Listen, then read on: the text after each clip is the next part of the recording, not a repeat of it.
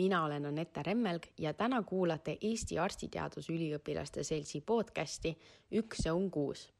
tänaseks podcasti pealkirjaks on Miks on uni oluline? on tavaline, et tudengid magavad öösiti neli kuni kuus tundi ning kord nädalas kuusteist tundi järjest, et unevõlast lahti saada samal ajal üritavad aga meelde jätta meeletuid koguseid teadmisi ja fakte täna räägimegi une olulisusest, kuuleme teaduslikku infot ja saame teada, kas enne eksamit on kasulikum magada need lisa viis tundi või hoopis kulutada need materjali ülevaatamiseks. väike disclaimer teile vahele. kahjuks juhtus nii,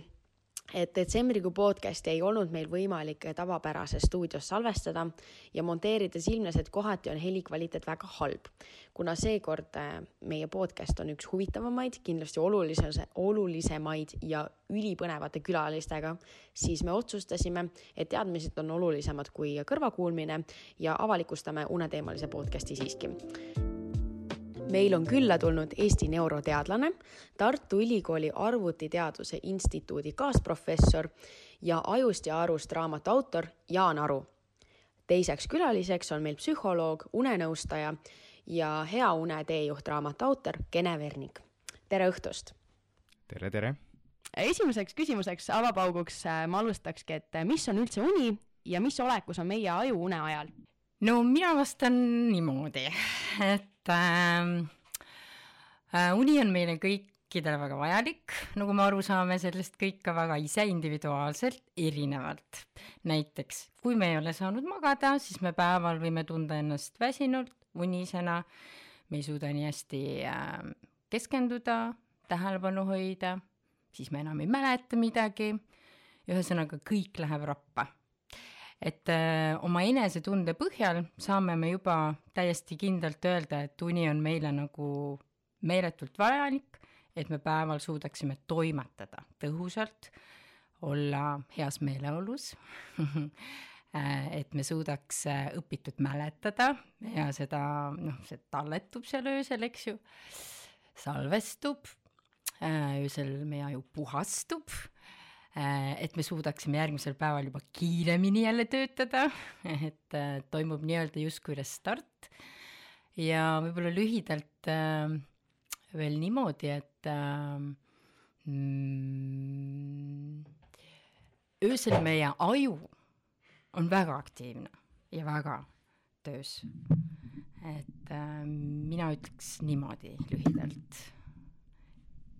me kõik elame nii-öelda sellises uneärkveloleku rütmis, tsirkadiaansest rütmis,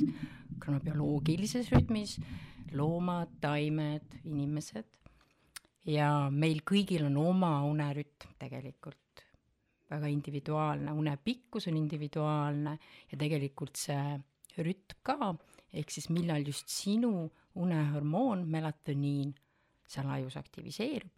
teisisõnu mingil määral ka siis nagu kronotüüpia, kas te olete, kui te olete kuulnud, eks ju, et on hilised magajad ja keskmised magajad ja varajased magajad, et siis on äärmiselt oluline, kui sina tudengina juba tead, mis tüüpi magaja sa oled, kui sa seda tead, siis sa oskad oma und või uneärkveloleku rütmi hästi hoida. hästi, väga ilus ja lihtsasti seletatud tegelikult vastus ka. Jaan, kas teil on midagi kommenteerida sellele küsimusele? jah, uni on selline põnev ajuseisund, eks, äh, mis tekitab ja on tekitanud meis kõikides küsimusi, et miks me peame nagu ühe kolmandiku oma elust nii-öelda maha magama. ja nagu Kene juba ütles, et me teame tänapäeval une kohta juba päris palju asju, miks me seda peame tegema, aga jätame ta praegu sinna, et äh, kui me aju vaatame, siis me näeme, et seal toimuvad teistsugused protsessid võrreldes sellega, mis toimuvad siis, kui on ärkvelolekul ja tänapäeval saame juba omajagu aru seda, sellest, et miks nad toimuvad ja mis seal just nii toimib. aitäh! aga küsiks siis natukene lähemalt, et kelle teie kindlasti teate, äh, kuna te töötate igapäevaselt patsientidega, et äh, kuidas te üldse ütleksite, et milline on üldiselt eestlaste une kvaliteet? Äh, kui me vaatame nüüd teadusuuringuid, siis äh, Euroopas eestlaste une pikkus ehk siis mis tähistab ka mingil määral unevõlga, ähm, on e-, Euroopas kõige madalam, on eestlaste unepikkus, et lastel on seal üheksa koma viie peal ja eestlastel on, noh, täiskasvanutel jääb ta sinna seitsme koma kahe, seitsme koma nelja peale, mis on tegelikult üsna madal et äh, täiskasvanud une selline vajadus või äh, vahemik, nii-öelda unevaja, äh, vajaduse vahemik võiks olla seal seitsme kuni üheksa vahel, noh, täiskasvanutel seitse kuni kaheksa nad panevad. aga kvaliteet kui selline eks ju, seda, mm, mm, see protsent jääb nagu ähm, häirete ähm, põhjal nagu erinevalt, et äh, näiteks äh, unetuse häire või krooniline unetus kui selline esineb ka eestlastel üldiselt keskmiselt seal kümme, üksteist, kaksteist protsenti, et Covidi ajal see natuke tõusis et äh, me ei ole küll selliseid äh, häid uuringuid siin Eestis teinud, aga võiks oma praktika põhjal küll juba öelda, et äh, ja varasemate uuringute põhjal, et see protsent on üsna sarnane Euroopaga. Ja näiteks äh, une kvaliteeti lõhub ka hingamishäired, eks ju, uneapne, obstruktiivne uneapne, aga noortel on väga paljudel sellega probleeme, näiteks ülekaalulisus viib meid juba hingamisprobleemini, et see protsent jääb ka üsna kõrgele, sinna seitsme-kaheksa peale juba. Et äh, neid erinevaid unehäireid on ja esineb ka eestlastel, mis lõhuvad une kvaliteeti nii-öelda, mis ei lase sellel inimesel korralikult nendes unefaasides olla, ehk siis tekitavad palju mikroärkamisi, et äh, mida inimesed ei teagi, aga hästi oluline on see, et need unefaasid oleks õiges järjestikus mingil määral ja kindlasti, et see protsent oleks seal olemas, eks ju et näiteks sügav, sügavat und võiks me kõik ikkagi saada kakskümmend, kakskümmend viis protsenti ja REM-i unenägutund ikkagi ka samamoodi ja nii edasi. ja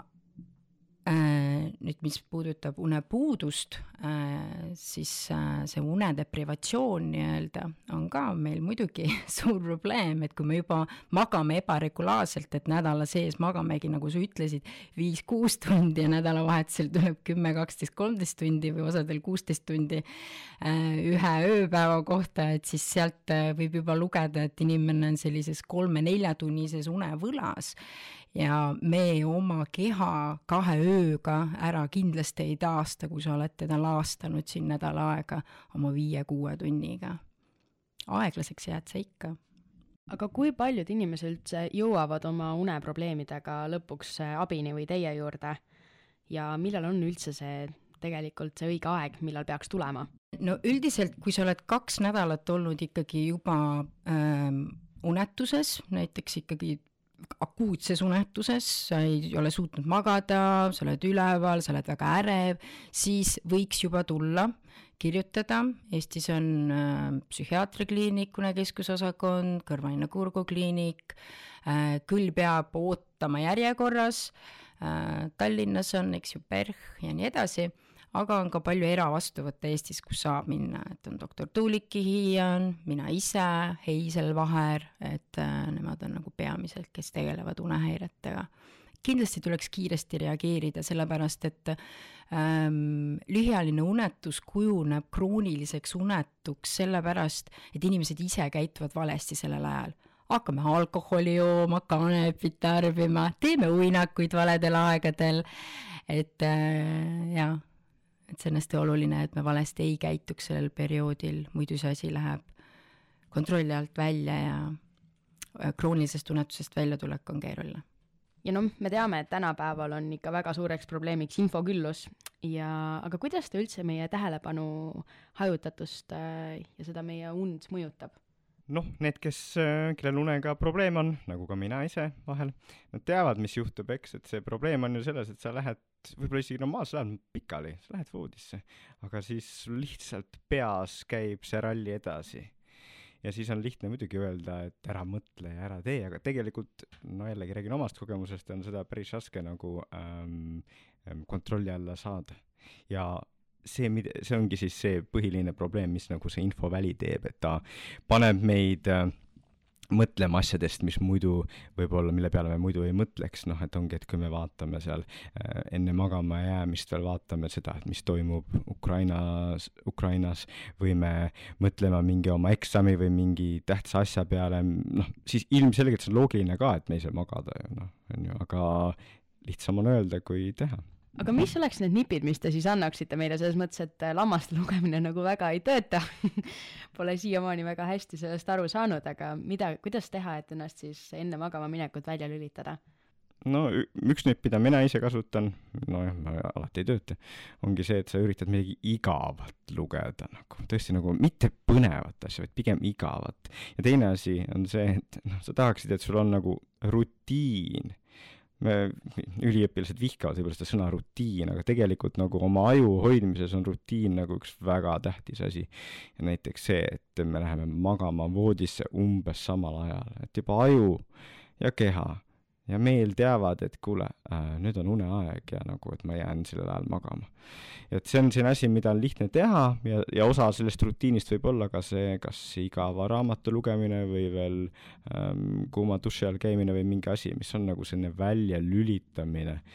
mõtetest äh,, argipäeva muredest väljalülitamine, et ähm, aitame ennast selliste käitumisharjumustega. ja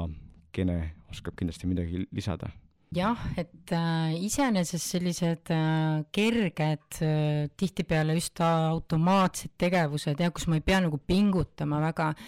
et, ähm, et need võivad meid nagu äh, ra-, noh, hoiavadki meid rahulikuna ja meil ei lähe pulss üles ja temperatuur ei lähe üles, et see on oluline, et meie füsioloogi, ütleme, meie keha füsioloogiliselt väga palju ei muutuks. aga noh, kui me hakkame uudiseid vaatama või mingi ekraani vaatama, et äh, siis see kindlasti natukene meie aju ergutab ja ja muudab äh, meie keha füsioloogiliselt ka ja, ja see on selline konflikt kehale, et jah, et just pidin temperatuuri siin alandama ja just hakkas nirisema natuke melatoniini, aga näed, mingi asi tuli ette, et noh, näiteks liiga palju valgust on ju, et mis läheb siis sinna kesktuuma ja juba stimuleerib ja, ja juba ta, juba ta kiusab mind, juba ma ei jää magama. Aga muidu tõesti see unerutiin on hästi oluline ja kui sa juba tead, mis tüüpi magaja sa oled, siis sa saad seda unerutiini seal alustada kenasti kolmkümmend minutit enne magama minekut, noh, tudengitel ma väga karmilt ei käitu, et noh, et pange kaks tundi enne magama minekut ekraanid kinni, et see oleks ikka väga õudne. et noh, ongi noh, mingi kolmkümmend, kakskümmend minutit enne magama minekut paned oma asjad kinni, teed midagi, mis tõesti siis ongi, tõesti, sa võid seda raamatut lugeda, võid muusikat kuulata ilma ekraanideta, näiteks rahulikku muusikat. Äh, mina soovitan mitte klappidega kuulata, aga, aga jah, ja, ja niimoodi rahulikult heita pikali, kõige olulisem asi on see, et kui sa neid rutiine teed, siis neid sa ei tohi teha voodis. Et tõesti nagu see keha õpib ära, et voodi on magamiseks, eks ju, aga kui ma teen voodis mingeid muid asju, et äh, noh, siin loen ja olen ekraanis ja mõtlen ja teen, ma ei tea, söön, vaatan telekat äh,, õpin, et siis sa õpetad oma keha äh, omas voodis mitte magama ja kehal on selline oma mälu, noh, lihtsalt öeldes nagu lihasmälu, ta nagu õpib ära, et see horisontaalasend on puhtalt nüüd asjade tegemiseks, et ma ei pea siin magama jääma. nii et see on äärmiselt oluline, et need teod toimuvad voodist väljas ja voodisse ma lähen ainult magama. et võib-olla siia siis ka selline mõte väga hea, nii et õhtul raamatut lugeda, siis ei tulegi hoopiski voodis, vaid äh, kuskil diivanil või tooli taga või laua taga. ausalt öeldes see on täiesti uus info, et kui vaadata nagu kasvõi filme, siis on alati see pilt ees, et minnakse voodisse ja siis seal loetakse raamatut no eks tasub öelda ja Kene ka kindlasti kinnitab seda, et ega inimesed on tohutult erinevad. ja on neid, keda on unistatud hea unega ja neid, kes võivad seal voodis vaadata, ta ei saa aru üldse, millest me siin räägime, mis probleemist me räägime, ta iga õhtu vaatab äh, enne magama jäämist seda mingit retsi action filmi onju ja pärast seda magab täiuslikult aga mida me kuulajad kõik peaksime teadma, ongi see, et inimesed on tohutult erinevate unedega ja kahjuks nagu paljudel on neid une, uneprobleeme ja meie räägime ikkagi jah, et sellest, mis nagu üldiselt on kasulik neile, kes tunnevad, et neil on nagu vaja seda asja parandada, et siis need kehtivad, aga kui teil teie asi töötab, te magate hästi, siis ärge laske ennast meist segada. Te juba enne tegelikult mõlemad mainisite natukene erinevaid unetsükleid ja noh, kõik, eks meist peaaegu kõik ilmselt on kuulnud selliseid sõnu nagu non-REM ja REM-faas ja sügavuni ja kõik selline, aga tegelikult me võime nüüd natukene spetsiifilisemaks ka minna, et te võite täitsa lähemalt rääkida, et kuidas need erinevad faasid on seotud just õppimisega ja informatsiooni talletamise ja omastamisega. ma annaks selle au nüüd Jaanile aitäh, see on, see on, see on väga suur au, see on väga suur au aga, aga jaa, et, et see on tõesti üks asi ka, mida me oleme tohutult palju nagu ähm, viimastel aastakümnetel, me nagu kui teadlased nagu uurinud ja mm, noh, kus on palju asju selgemaks saanud. et näiteks üks asi, millest nagu võib-olla kahekümnenda sajandi alguses nagu alustati, on see, et nagu noh, mõeldi ikkagi, et unenäod on ka kuidagi nagu olulised nagu näiteks äh, mällu talletamiseks, on ju. aga siis üheksakümnendate lõpus ja nüüd selle sajandi alguses on rohkem, uurimistöö rohkem näidanud, et mälu jaoks, mällu jätmise jaoks, meenutamise jaoks on tähtsam just see sügav uni ähm, või siis äh, non-REM sleep, kus siis äh, tõesti nagu ähm, meie ajukoor ähm, on sellises äh, aeglaste lainete faasis ja need aeglased lained on seotud ka siis äh, hipokampuse aktiivsusega, mis on siis alu, aju mälukeskus ja siis on näidatud tohutult põnevates katsetes, kuidas siis äh, Ähm, selle sügava une ajal hipokampuses tekivad nii-öelda taasaktivatsioonid, mis võivadki siis olla mingid asjad, mida te olete päeva jooksul õppinud, need asjad taasaktiveeritakse hipokampuses, nad äh, liiguvad siis sealt aktivatsioonilainetena korteksisse ja tekitavad seal nagu ähm, kinnistumist või, või plastilisust ja see on siis olnud asi, mida on palju uuritud ja mis on tekitanud siis küsimuse, okei okay,, aga miks siis need unenäod ja miks see REM-uni, et üks asi on see, et me jätame meelde ja see on siis rohkem seotud sügava une ja ajukoores toimuvate aeglaste lainetega. aga ega une jooksul ainult ei toimu meeldejätmine, vaid on vaja ka seda, et me nagu ähm, nii-öelda tuleksime uute ideede peale või et ähm, sünteesiksime ja see on siis protsess, mis toimub remmune ajal. et äh, remmune ajal siis ajukoores rohkem nagu kombineeritakse neid teadmise tükke, jah, ühesõnaga sügavas unes me kordame seda, mis oleme õppinud, REM-unes paneme neid asju kokku teistmoodi ja seetõttu on REM-uni siis vajalik selleks, et me tuleksime uute ideede peale ja oleksime loovamad.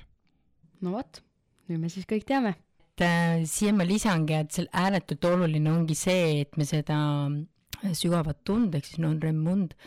äh,, non-rem äh, kolme siis saaksime kätte, nagu ma enne ka mainisin, need protsente on ju. ja kui sa jääd nüüd kroonilisse unevõlga, siis äh, tegelikult äh, sügava une hulk hakkab vähenema. ja me näeme uuringutes tegelikult seda, et REM-uni tahab oma protsenti taastada ja kusjuures mina ei ole leidnud nagu Jaan sellist head uuringut, et miks see nii on, et miks see REM mm. nagu tahab ennast nagu et noh, kui me oleme lühiajaliselt unetud, eks ju, noh, lühiajaliselt akuutses olukorras üks-kaks päeva oleme nagu magamata, siis taastab keha ennast kiiresti sügavunega, sest seal on selline, toimubki füüsilise keha taastus, eks ju, et noh, laste, lapsed ma-, kasvavad sellel perioodil ja nii edasi, aga täiskasvanud taastuvad, just füüsilist keha taastavad aga, ja siis meil on vaja tõesti sügavat tunda ja ta võtab selle, aga kui me oleme kroonilises unevõlas, siis hakkab ta nagu kaduma ja REM-uni tahab nagu hoida. et see on võib-olla selline koht, mida võib-olla jah, ja tegelikult tasubki öelda kõigile, et ega une juures on veel endiselt palju saladusi ja me ei tea täpselt, täpselt, mis need funktsioonid on, et selles suhtes, et jaa, et siin mainisin ka, on ju, et sügavuni on nagu mällu talletamiseks ja REM-uni on äh, nagu loovuseks ja mõtete kombineerimiseks, aga mida ma kindlasti ei ütle, et need on mingid ainsad funktsioonid või et see on täiesti nagu niimoodi teadlaste konsensus, et äh, just, et see, mis Kene siin ütles, et, et noh, see on natukene selline täitsa veel saladus, et miks, miks ajul on vaja nagu seda REM-und näiteks niimoodi järgi teha, et see, et noh, ilmselt ilmselgelt loovus ei ole nagu kõige tähtsam asi, mida peab kindlasti järgi tegema, et pigem on seal mingisugused teised protsessid, mis on, mida me veel täielikult ei, ei mõista ja see on ka põhjus, miks mind, mind ennast on alati uni huvitanud, et noh, me magame, on ju, maha kolmandiku oma elust, mõned loomad magavad rohkem kui poole oma elust ja me ei saa täpselt aru, nagu täpselt, teaduslikult täpselt, et miks seda vaja on. Ja jällegi, meil on mitmeid nagu hüpoteese, ideid, aga nagu kohati tundub, et me ikkagi päris hästi ja kõigest veel ei saa aru ja see on põnev. ja, ja see on väga põnev. ja võib-olla, võib-olla kuulajatele, noh, mõned teavad ka, aga lihtsalt, et see, kuna see siit läbi ei käinud, et sügav uni on see, mis on meil tavaliselt une alguses just eriti. et une alguses on see nagu sügava une osakaal palju suurem ja REM-uni on nagu esimestel tundidel nagu ülilühidalt. ja hommikupoole on siis vastupidi, kus on hästi palju äh, REM-und niisiis, kui me just, meil on probleeme magama jäämisega, siis me tavaliselt kaotame seda sügavat und. ja kui me ärkame, vastupidi, väga vara, siis meil on tege-, tegelikult probleeme selle REM-unega. jah, et lihtsalt, et kuulajad teaksid seda. väga armas. Jaan, sa räägid enda raamatus Ajust ja arust natukene unenägude olulisusest ka et äh, kas sa saaksid seal natukene avada, et miks on nii, et osad inimesed näevad väga tihti ja palju unenägusid ja osad ei näe üldse, osad mäletavad neid, osad üldse mitte. jah, et see on selline üks kõige ägedamaid neid müüte une kohta, et nagu, et osa, oi, mina ei näe üldse unenägusid mitte kunagi, eks um,. et kui me, kui seda hästi teaduslikult uurida, siis selgub, et ikkagi peaaegu kõik inimesed näevad unenägusid, on vist väga väike protsent inimesi, kes ei näe. nii et kui teil on näiteks elukaaslane, kes ütleb, et ma ei näe mitte kunagi, siis äh, tehkegi nii, et ärgake ise näiteks kella viie ajal üles ja siis vahtige teda ja kui teil hakkavad seal silmad laugude taga liikuma, siis äratage üles ja küsige, noh, mis su teadvuses toimus. Ja tegelikult ta nägi unenägu. et mis, et mis, mis juhtub, on see, et osad inimesed nagu ärkavad niimoodi nagu, kuidas me ütleme selle kohta, näiteks rahulikult võib-olla või et nad, äh, neil on see REM-uni aga sealt nad tulevad nagu välja nagu võrdlemisi aeglaselt või rahulikult ja siis nagu noh, kõik unenäod ununevad ära aga teised inimesed, kes nagu, kes nagu võib-olla sealt nagu ärkavad kiiremini, siis neil on nagu meeles see, mis just toimus veel selles viimases hommikuses äh, REM-faasis, eks.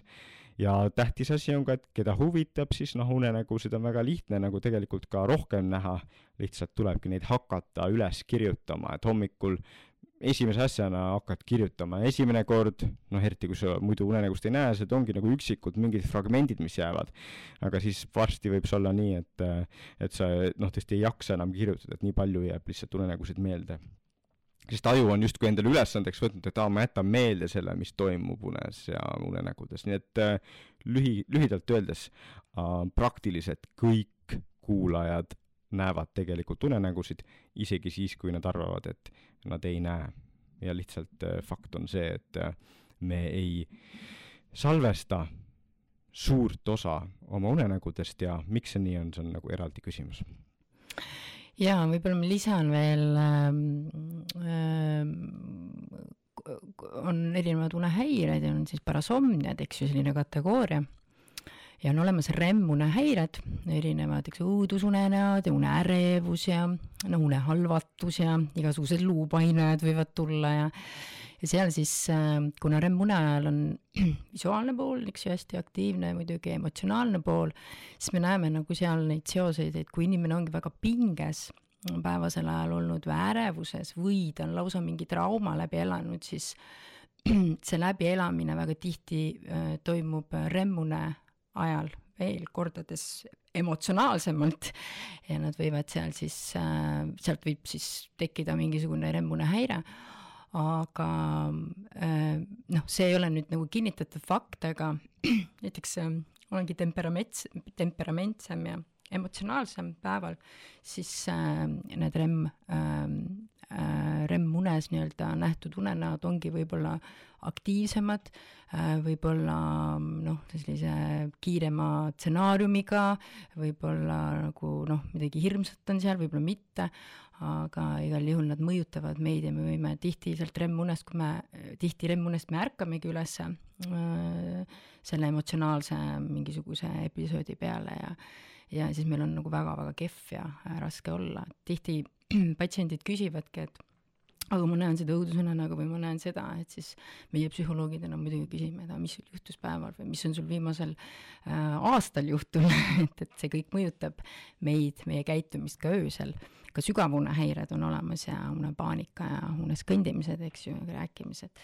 et need on ka väga palju seotud just stressi ja pingetega, aga ka väga geneetilised. väga põnev. üldjuhul tegelikult me õpime ka koolis ka sellist asja, et kõik asjad, mis meie kehaga toimuvad, on mingi põhjusega või neil on mingi olulisus. ehk siis õudusunenäod, siit küsimus, et mis on nende õudusunenägude olulisus, miks me peame mõndasid asju uuesti läbi elama öösel? ma lihtsalt vastan seda, mis nüüd üks viimane uuring tuli välja, noh, mida on juba pikalt uuritud, aga see on nagu nii huvitav just psühholoogidele, et inimesed,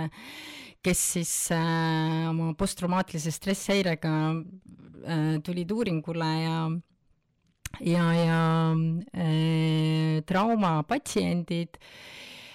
minu meelest olid need traumapatsiendid ja need, kes siis nägid korduvalt oma traumat läbi, nemad said kiiremini tervemaks ja need, kes ei näinud, neid ei saanud nii kiiresti terveks, et me nimetame siis, et me, nad eksponeerisid ennast oma ärevusega jah, et ärevusele nii-öelda seal unenäos. et kui me oleme kogu aeg vastamisi oma selle õudusega, mida me võib-olla kordades noh, läbi elasime, et siis me tuleme sealt kiiremini välja, et see kõik on hästi loogiline, aga nüüd on see saanud ka nagu rohkem kinnitust, et et tõesti une, unenägudel ja võib-olla ka õudusunenägudel või emotsionaalsetel unenägudel on äh, väga kindel koht ja, ja väga kindel eesmärk, miks need seal on, ma arvan. et jah, et see jah, et, et vahel me nagu mõtleme, et kas unenäod nagu, kas nad sümboliseerivad midagi, noh, see on see, mis on meie see Freudi taak nii-öelda või pagas seal Sigmund Freudi tööst, eks. aga tänapäeval me saame jah aru, et nad ei, noh, et see ei ole nii, et nad midagi sümboliseerivad otseselt. seal ei ole mingeid selliseid peidetud märke, vaid pigem on need märgid tihtipeale täiesti otsesed. et ongi, kui inimesel ongi, noh, nagu Kene ütles, mingi trauma või mingi midagi halvasti juhtunud, siis ta näebki sellega seotud asju unes, seda ei ole vaja kuidagi tõlgendada ja me saamegi aru, et unel ei olegi sellist, ta ei ole nagu mingit varjatud mõtet, vaid ta mängibki läbi teatud stsenaariumeid. ja see on noh, teada juba hea mitu aastakümmet, et tõesti unenägudel on selline noh, palju selliseid negatiivseid asju, palju negatiivseid sisusid ja palju rohkem ka negatiivseid sisusid võrreldes sellega, kui palju meil nagu neid päriselus on, on ju. ja seetõttu siin üks, üks professor So-, Soomest ka pakkus välja selle teooria, et noh, et unenägu ongi nagu selline äh, raskete ja keerukate situatsioonide läbimängimise koht ja aeg, eks, et sa ei taha neid päriselus läbi mängida, aga et sa nagu saad unes nagu neid erinevaid situatsioone läbi mängida ja see, et see simulatsioon unes toimub, see aitab keha nendeks olukordadeks ette valmistuda ja et see ongi see unenägu või unenägude selline adaptiivne funktsioon. aga jällegi, see on ainult üks teooria ja ähm, tema kohta on, on tõendeid, nagu ka see töö, millest Kene rääkis, eks, aga ilmselgelt on ka inimesi, kes ei näegi väga tihti või üldse mitte nagu neid äh, negatiivseid asju, nii et siis nende unenägusid see teooria nii hästi ei selgita nii et võib öelda, et uni on meie safe space, kus me saame siis rahulikult äh, tulevaseks eluks valmistuda. No jaa, ja noh, aga nagu, nagu Kene ütles, on ju, et mõne inimese jaoks ta selles suhtes ei ole nii safe, et kui sul ikkagi ongi need õudusunenäod, siis see on ikkagi inimese jaoks raske lausa magama minna, et ta ei tahagi magama minna, kuna see, just, et see on pigem nagu see, mis, ma ei teagi, mis selle kohta siis öelda, õuduste tuba või? Jah, aga ma liiguks siit natukene edasi nüüd äh tudengite kogemuste ja sellise ebaregulaarse uinakute tegemise juurde. tihtipeale juhtub, et kui meil on nii palju tihedalt neid kontrolltöid ja eksameid ja arvestusi, et ühel hetkel noh, lõunati lihtsalt ongi nii väsinud olla, et jääb magama, aga siis ei magata kümme, kakskümmend minutit, vaid kolm-neli tundi järjest. ma isiklikult tegin ükskord rekordi kaheksa tundi järjest lõunal et äh, see oli pikk, see oli päris pikk lõuna. see oli väga pikk lõuna, ühel hetkel oli öö et mis te üldse ütleksite, et kuidas need päevased uinekud või powernapid meie energiatasemele ja töövõimele mõjuvad? ja mis on siis, kas neid on üldse kasulik teha? alusta sina, ma täiendan siis, mis on, mis seal veel on. ma proovin, ma proovin. et, et, nii huvitav kuulata. et üldine soovitus tudengitele on ikkagi jah, see, et kui te õpite või te olete intensiivses mingisuguses faasis ja tunnete, et päeval on uni, siis võite, te võite selle power nap'i teha, aga ärge nüüd siis võtke saatejuhist eeskuju, ärge magage kolm tundi või kaheksa tundi, vaid, vaid pigem kui te teate, et teil on oht, et te jääte pikaks magama, siis pange see äratuskell noh, viieteist minuti peale või kahekümne minuti peale. et see on see ideaalne asi, mida, mis tõesti nagu laeb ja, ja taastab meid palju paremini kui mingisugune kohvi või midagi. ja mis seal salata, et ma ise ka teen, et kui väga intensiivne aeg, kirjutad midagi, mõtled millegi üle, siis äh, ka kasutan seda power nap imist. et jah, see põhi põhireegel on see, et me ei tohiks nagu seda lasta siis sinna tundide peale, sest muidu meil läheb kõik see rütm paigast ära. aga muidu nagu sellist äh,, eriti päeva esimeses pooles nagu power nap imist ei peaks kartma, ei peaks muretsema selle pärast, et me nüüd äh, ilmtingimata ei saa äh, öösel magada, et kui te hommikupoole selle power nap'i teete ja siis pärast öö, seda veel ka teete intensiivselt tööd, siis küllap tuleb see ähm, Äh, uni ka öösel. probleem on rohkem, et kui see power nap kipub jääma sinna noh,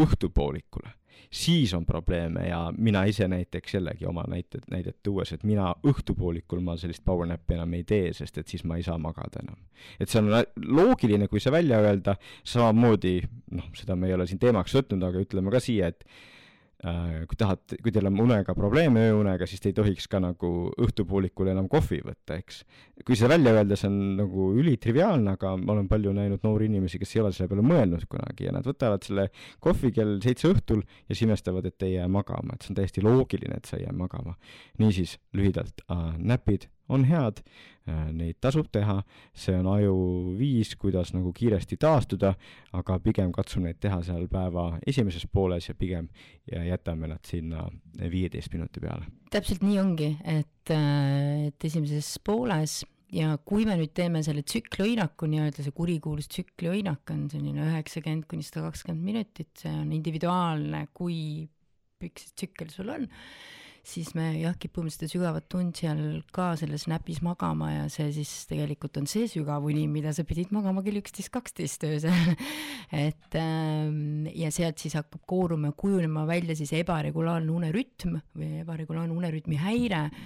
Ja sul võibki minna ähm, nii-öelda see uni nagu polüfaasiliseks või noh, et, et sa nagu magad mitme, mitmes osas seda und, et noh, et, et päeval magan siin kolm-neli tundi, no mis on ikkagi väga palju, ja siis öösel magadki tegelikult reaalselt võib-olla ka ainult siis neli-viis tundi, on ju. aga ma julgeks öelda seda, et tänapäeva inimene ei ole enam võimeline magama mitmefaasiliselt, et et pärast tööstusrevolutsiooni meie uni kuidagi nagu läks ühte ööunne, üheks ja pikaks. enne seda magati tõesti mitmefaasiliselt, aga me näeme uuringutes, et inimesed ikkagi ei taastu ära. Nad jäävad unevõlga pikemas perspektiivis, nii et ma ei soovita seda, aga tudengite puhul, kes te olete noored ja teil on ilus plastiline aju siis mõnda aega võite seda teha, aga noh, te saate ise ka aru, et te ühel hetkel lihtsalt ei jõua niimoodi ja, ja aga see on tähtis, mis sa ütlesid ka, et eh, noh, et eh, tudengitel on ikka selline eriline aju ja et kui teil on, te saate, teil on nagu kõik töötab ja magate päeval kolm tundi ja siis öösel kolm tundi ja super vorm ja teete oma õpinguid ja startup'i ja käite nagu vabatahtlikuks ja kõik töötab, siis ei pea meie juttu nagu kuulama, aga lihtsalt teadke, et võib-olla läheb neid teadmisi tarvis kümne aasta pärast ja yeah. head ajad saavad otsa, aga nautige, nautige oma ilusaid ajusid. ja, ja uuringud ju näitavad seda ka, et inim-, noor äh,, inimesed, kes on noores eas hoidnud oma und hästi Äh, nende uni ka parem äh, vanemas eas ja no sest neil on ei... need oskused ja teadmised, noh, kuidas, kuidas nagu ja aju on harjunud nagu. ja, ja teil ei ole nagu kuhjunud nii palju erinevaid kroonilisi haigusi, mida toob une äh, vähesus endaga kaasa, et äh, kui sa oled kroonilistes haigustes, siis sa magadki väga halvasti nii-öelda. et seal on nagu see seos veel lisaks. no kujutame nüüd ette, et meil on õhtu enne suurt kontrolltööd ja siis tudeng avastab õudusega, et on lisa suur materjaliplokk või moodul, mis tuleb ka kontrolltöösse. ühesõnaga, seda materjali pole isegi korralikult üle veel vaadatud.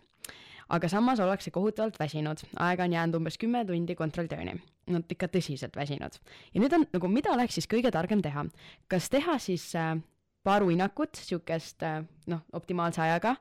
ja siis nende vahel õppida umbes tund-poolteist, uuesti uinak uuesti õppida tund-poolteist või minna magama, sest et praegu nagunii midagi meelde ei jää ja ärgata hommikul varem ülesse ja siis otse õppimast äh, kontrolltööle. mina soovitan sellisel juhul minna magama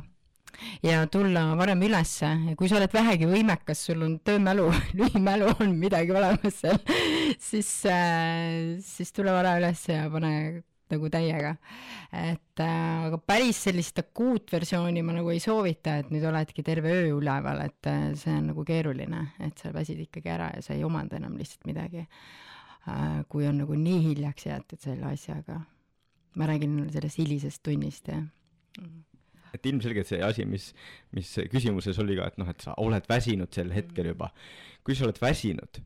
siis tuleb ikkagi esimese asjana minna magama, sest uh, üks asi, mida kõik peaksid siit tänasest kaasa võtma, on see, et kui te olete väsinud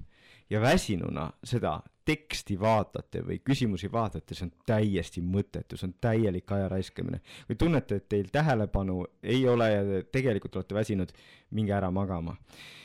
ja siis nüüd, nüüd sõltub edasi, et mis inimene te olete, et noh, selles suhtes, et on neid, kes suudavad niimoodi, et nad on ju, ärkavadki siis öösel üles, õpivad natukene ja jäävad magama, aga kui see kõik oleks nii piinarikas, ähm, siis, siis see ei, ei pruugi olla nagu kasulik, on ju, et noh, et kui teil, et õpite poolteist tundi ära, aga siis magama jäämine öösel oleks veel poolteist tundi, mis te lihtsalt seal voodis vähkrate, no siis see ilmselgelt ei tasu ära ja tasuks tegelikult see, võib-olla see äh, võimalikult pikk kuni ära magada. ja no siis ongi küsimus, et kas veel on ju hommikul ärgata ja hakata õppima äh,, minu jaoks on siin see määrav faktor on see, et mis kontrolltööga või mis asjaga on teguga, selles suhtes, et kui on see tõesti faktide peale, noh, et küsitakse fakte ja nende meenutamist, no siis ilmselgelt võib nõustuda sellega, mis Kene ütles, et sa tegelikult äh, no ärka siis vara ja katsu, noh, sa ei tohi liiga vara ärgata, sest kui sa oled eksami ajaks jällegi väsinud mm, -hmm no siis sul ei tule need asjad meelde, sul peab olema nii, et sa, äh, et sa suudad õppida enne seda ja siis veel ka selle äh, kontrolltöö ära teha, onju. Mhm. aga nüüd teine asi on, kui see ei ole faktide peal, see on rohkem mingi arusaamine ja sellised avatud vastused, no siis sel juhul ma pigem soovitaksin nagu see terve öö ära magada ja nagu lihtsalt minna selle peale, et okei okay,, osad asjad on puudu aga kõik ülejäänud asjad ma suudan ära vastata hästi, sellepärast et mu aju on nagu heas vormis. sest me alahindame seda, kui keeruline tegelikult on nagu tulla heade, loovate, mõtlevate vastuste peale ja me alahindame seda, kui palju tegelikult hea uni seda võimaldab ja seda toetab, eks. nii et eh, noh, meie saamegi anda siin ainult selliseid juhiseid, et iga olukord on ju natukene erinev ja, aga ma arvan, et on hea, et te olete neid mõtteid kuulnud aga mis soovitused annaksite nendele tudengitele, kes öösiti töötavad ja teevad neid vahetusi, et sest et see on noh, ilmselgelt väga ebaregulaarne päev ja siis tuleb veel sihuke õppimine ka juurde, et mida, mingi soovitus, mida te saaksite teha, et neil kergendada natukene seda no pea, peamine on und mitte unarusse jätta, et siis kui on selline elu ja midagi selle elukorralduse suhtes teha ei saa, siis tuleb lihtsalt leida need ajad ja hetked, kus ma siis seda und äh, järele võtan natukene, eks, et me ei tohiks siis veel näiteks on ju äh, kaks tundi mingis Tiktokis äh, istuda, on ju, vaid selle asemel teada, et jah, mul on see elufaas, kus ma teen tööd ja ma õpin, aga siis see TikTok praegu ei mahu siia, vaid ma pean magama sel ajal, et see on see, mida ma enda elu ja enda aju jaoks tegema peaksin. jah, et vahetustega mm, töö või vahetuslikku unehäire või mm, ma ei, noh, ma tahaks öelda, et ärge tehke mitte keegi öösel tööd, et see on ülihalb, aga igal juhul kindel asi on see, et sul peab olema väga range rutiin keha jaoks, nagu ülirange, millal sa teed uinakuid, millal sa magad, kui palju, millal sa õpid ja nii edasi, millal sa trenni teed, mida sa sööd, toit on väga oluline siin uh,. unevõlga jääd sa nii või teisiti isegi kui sa sealt tagantjärgi kuidagimoodi taastad oma füüsilist keha, sest noh, rakukesed on läinud nagunii, seda sa enam kuskilt otsast ei taastu, taasta nii-öelda, aga see on hästi oluline jah, et, et kui sa elad sellist elu, et sa pead nagu tõesti, nagu Jaan ütles, et äh, sul, sul ei ole aega mingeid sarju ja asju vaadata, et sul peab olema väga kindel rutiin, et siis ta võib-olla saab hakkama siin mõned aastad, mõned aastad. jah, et, et siis tuleb lihtsalt und rohkem prioritiseerida, et kui meil on selline tavaline elu on ju, et meil nagu on aega nagu igasugu asju teha, äh, siis me jõuame neid teha, aga kui meil ise noh, või ise või nagu olude sunnil tee-, oleme sellises raskes olukorras, me peame lihtsalt aru saama, mis on prioriteet ja uni on prioriteet. aga palju kuuletakse seda, et mõni inimene ütleb, et mina ei suuda hommikuti õppida, sest et mina olen õhtuinimene. et millest üldse oleneb see, kas inimene on õhtu või hommikuinimene ja kas seda üldse saab ise kuidagi mõjutada, olgu see trenn, dieet või mingi muu rutiin? nojah, nagu ma enne mainisin ka, eks ju, see kronotüüp on ju, et noh, et, et mis tüüpi magaja sa oled, et äh, kui sa oled see hiline tüüp, siis äh, oled hiline tüüp ja nendel me soovitame teha trenni pigem seal äh, pärastlõunasel ajal, et kui su keha on juba ärg-, ärgas ja üleval ja äh, kui sa oled see varajane magaja äh,, vara, vara tuled üles, eks ju, et siis need on ainukesed, kes võivad hommikul tegelikult trenni teha äh,. et see on nagu efektiivne kehale ja, ja kui sa oled see keskkonnatüüp, ehk siis me kõik siin peamiselt kuuskümmend, seitsekümmend protsenti keskmised magajad nii-öelda, kes jäävad seal üheksa ja kaheteist vahel magama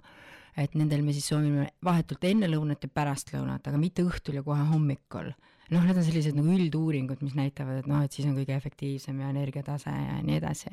aga võib-olla Jaan äh, veel siin täpsustab, äh, miks äh, ja seda muuta me ei saa, seda kronotüüpi muidugi jah, aga, aga noh, mida me saame muuta, on muidugi igasugu harjumused, et ikkagi äh, noh, et kas ma nagu äh, hommikul nagu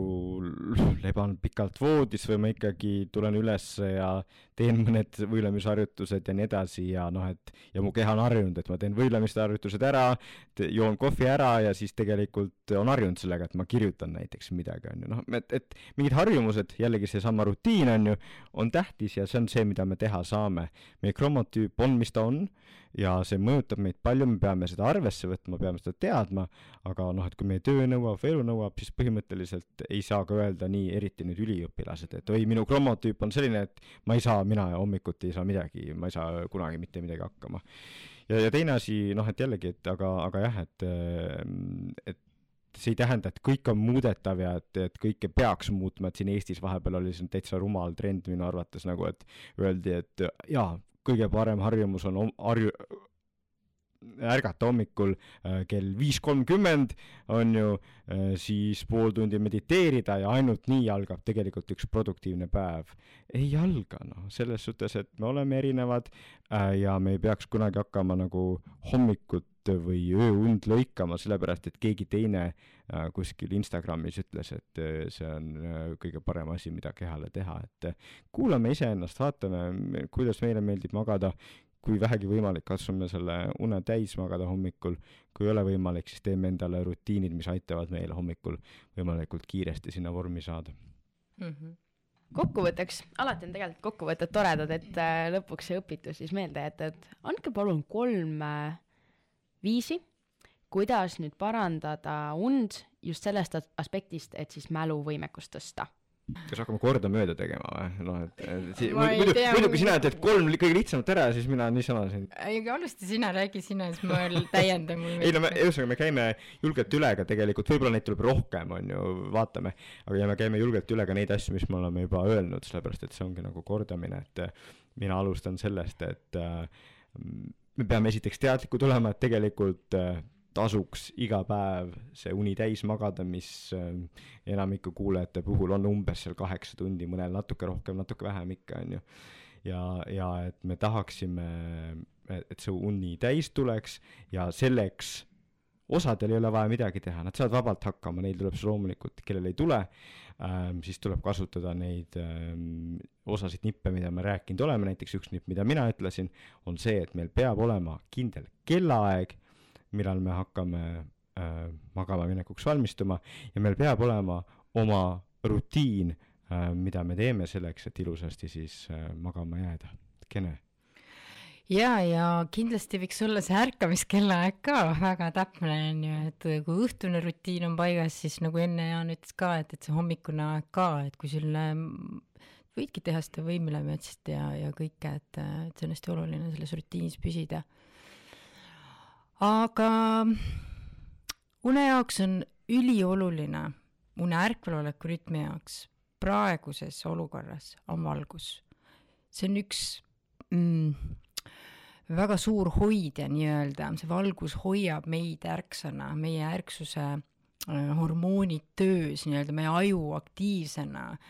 Kui me ei saa seda valgust, siis me olemegi natuke nagu zombid jah, et, et me, meie meeleolu on natuke halb ja natuke seda melatoniini niriseb seal päeval liiga palju ja me oleme uimased ja unised. Nii et äh, kui me tahame sellist äh, energiat saada ja ka tähelepanule ehk siis meie kognitiivsele võimekusele väga hea on ka see valgusosa, ehk siis serotoniinid, dopamiinid, asjad lähevad ülesse, on vaja meil vähemalt kaheksasada kuni tuhat luksi nii-öelda peaaegu et kogu päeva nii valges olla, see on selline tore päikese, päikseline ilm. Et äh, selles tingimuses, kus me praegu oleme, seda me ei saa, et äh, just nuitsin siin päev, päevast valgust, et tuli paarsada ära. et äh, kui me oleme siin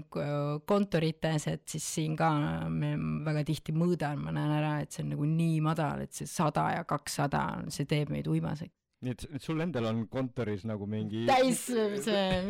eriti võimas valgus. Ja kodus, kodus ka või? Äh, ei ole, tegelikult äh, mul kusjuures päevavalguslamp ei ole, herevalguslavi lampi, mida ma kõigile soovitan,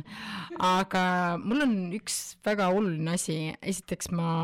olen, ma arvan, poole oma päevast olen väljas et isegi kui ma tööpäev on, siis ma nagu teen hästi efektiivselt oma töö ära ja siis ma olen nagu võimalikult palju valguses, et äh, tavaliselt siis hommikupoole olen praegu pigem nagu ja töö hakkab hiljem. Et äh, ma sätin seda niimoodi, et see oleks mu kehale nagu loomulikum ja näoga akna poole võimalikult, et selline sinakas valge valgus on see, mis stimuleerib rohkem et noh, seda me nagu ilmselgelt teame, nii et ma arvan, et see on nüüd hästi-hästi oluline jah, et, et me õhtul enam ei istuks pimeduses jah, et me, kui te tulete koju, hakkate õppima ja te õpite nagu hämaras, siis seda me ei, seda ma ei soovita, nagu sa ütlesid ka, et kui ma tahan nagu õppida, et siis pane aga prožektorit käima ja umbes kaks pool tundi enne magamaminekut hakka hämaramaks võtma. Üldse mitte nagu varem, et, äh, et üsna hilja tegelikult siis on unesurve ehk siis see sleep drive nagu hästi tugev, see, et kiiremini magama, et melatoniin hakkab normaalselt tööle. jah, ja, ja no nii, jälle ma, mina ütlen mõne nipi, siis sa mõtle jälle selle. et, et see, et no ja, ja siis, et mis järgmine samm on see, et noh, et meil on nüüd need põhiasjad nüüd räägitud, on ju, aga noh, et kui kellelgi on mingi unemure, siis võib hakata mõtlema, et miks, noh mi,, miks ma ei saa hästi magada, mis mind segab äh,? äkki on toas liiga palav ähm,. äkki äh, on tänavamürad, mis segavad, äkki on äh, kaaslane voodis, kes segab, norskab või lööb meid külanukiga. ja siis, kui me oleme aru saanud, mis see probleem on, siis tuleb sellega ka tegeleda, eks temperatuuri muuta, äh, noh, ilmselt me ära kolida ei saa, aga tegelikult näiteks kõrvatropid on täiesti normaalne asi, mida kasutada, kui meid tänavamüra segab. ja kui see äh, on ju ähm, elukaaslane segab, siis ka vaadata, noh, et midagi drastilist ma nüüd ei, ma ei soovita ei, ei ütle, et noh, et ei ütle, et peab tegema, aga, aga noh, või võib-olla on võimalik näiteks suurem voodi muretseda või, või midagi, midagi muud, et selles suhtes, et jah, abielu on püha, aga uni on ka püha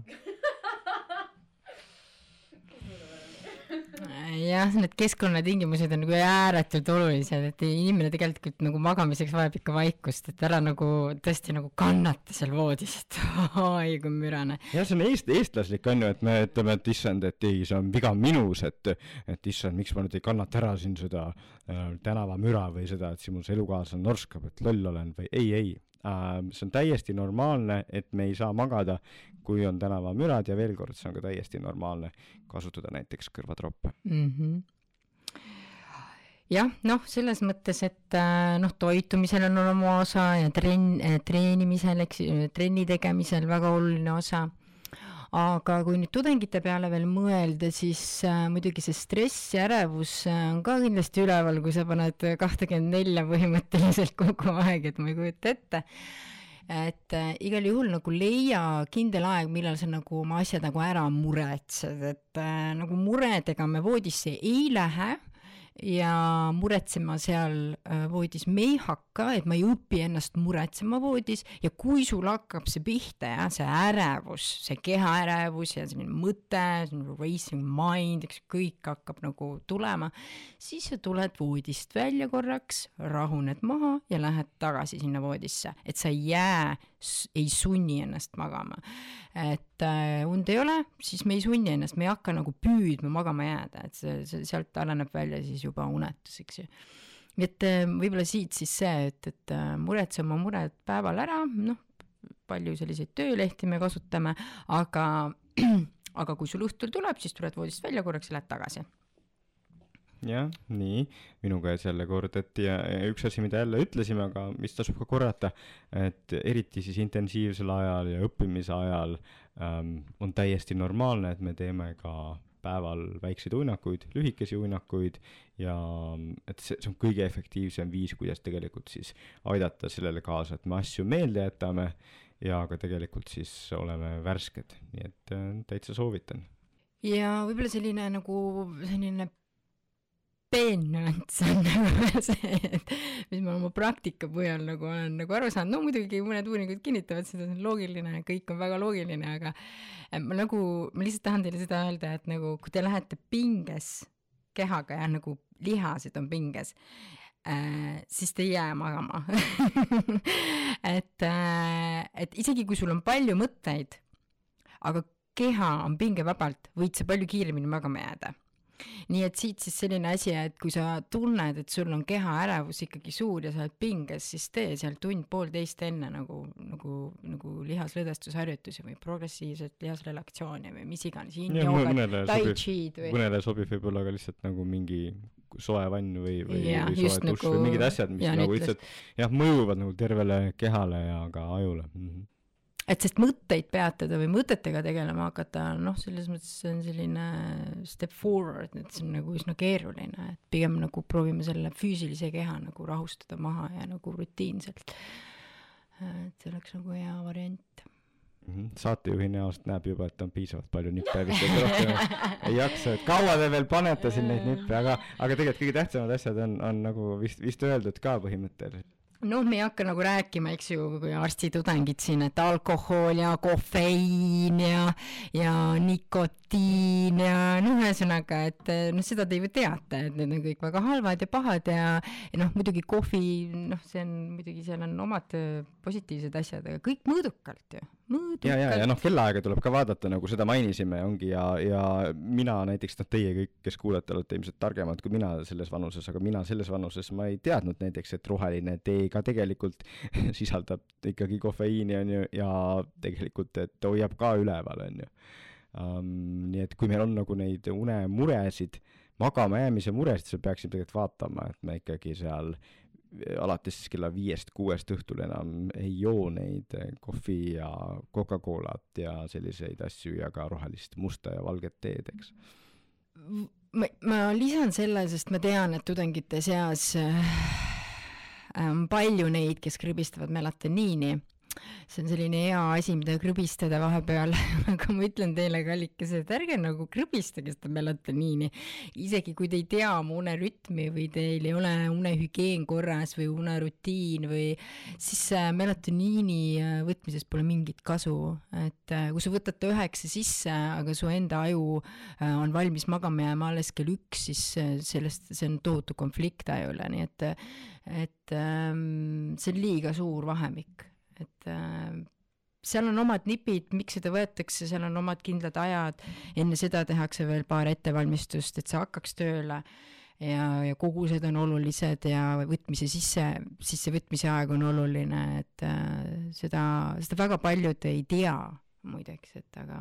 see on nagu tähelepanek. hea kodutöö, mida saab ise järele vaadata, natukene PubMedis äh, surfata aga me alati lõpetame tegelikult enda podcast'id äh, mõne lihtsama küsimusega.